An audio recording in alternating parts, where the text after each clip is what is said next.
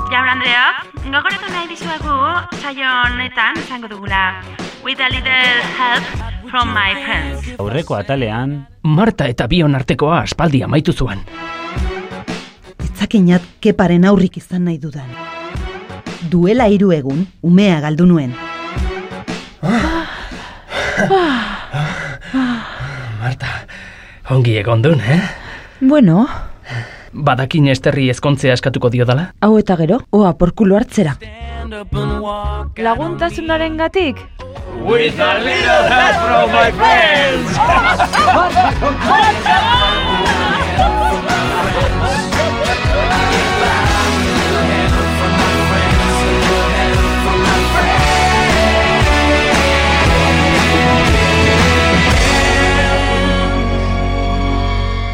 bosgarren atala.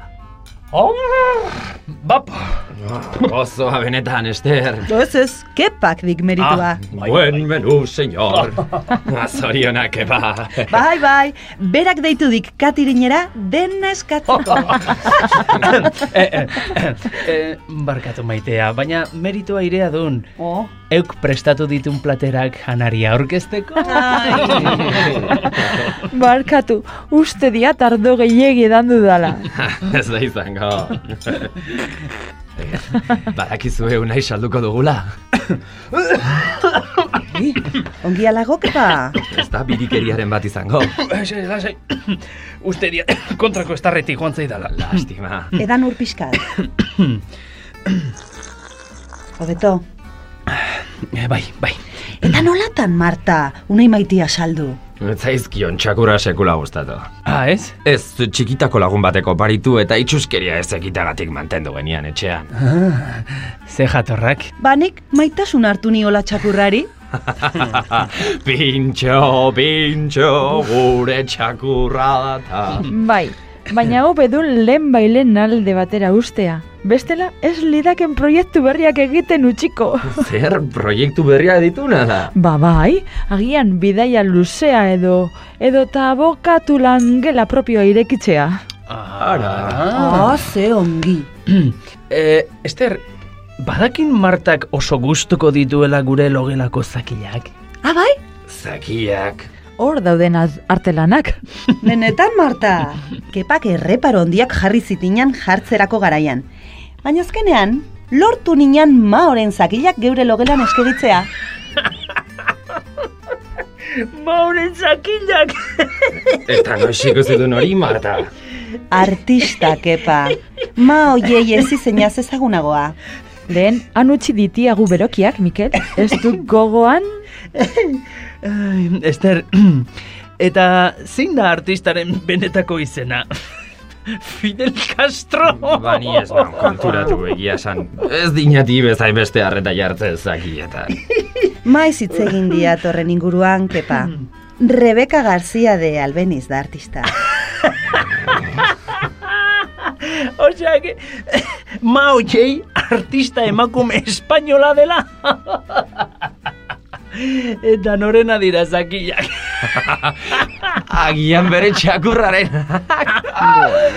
Zuri beltzadata ez du goska egiten zakiltzadata Jolastu nahi badun Ba, ireak ez ditut argazkiak, ez? Ezinezkoa. Eh, eh, a ber, a ber, a ber. a ber. Zer esan nahi duen horrekin? Em? Em? eh, katxonde Bere- gutxiago. bere mutilagun hoienak dituk, utzi baino lehen guztiei ateratako argazkiak. Eta ignoa dakin ere Galerian ditugun artistei buruz hitz egin zioat beti, baina beti uste izan diat ez zidala kasurik egiten. bai, bai kasu egiten dinat. Ez ahaztu, museotara laguntzen dinadala eta ire txapa guztia jasatzen ditudala. Minimalismoa baino gauza aspergarriagorik, etzagon. Ai, benetako laguna aiz.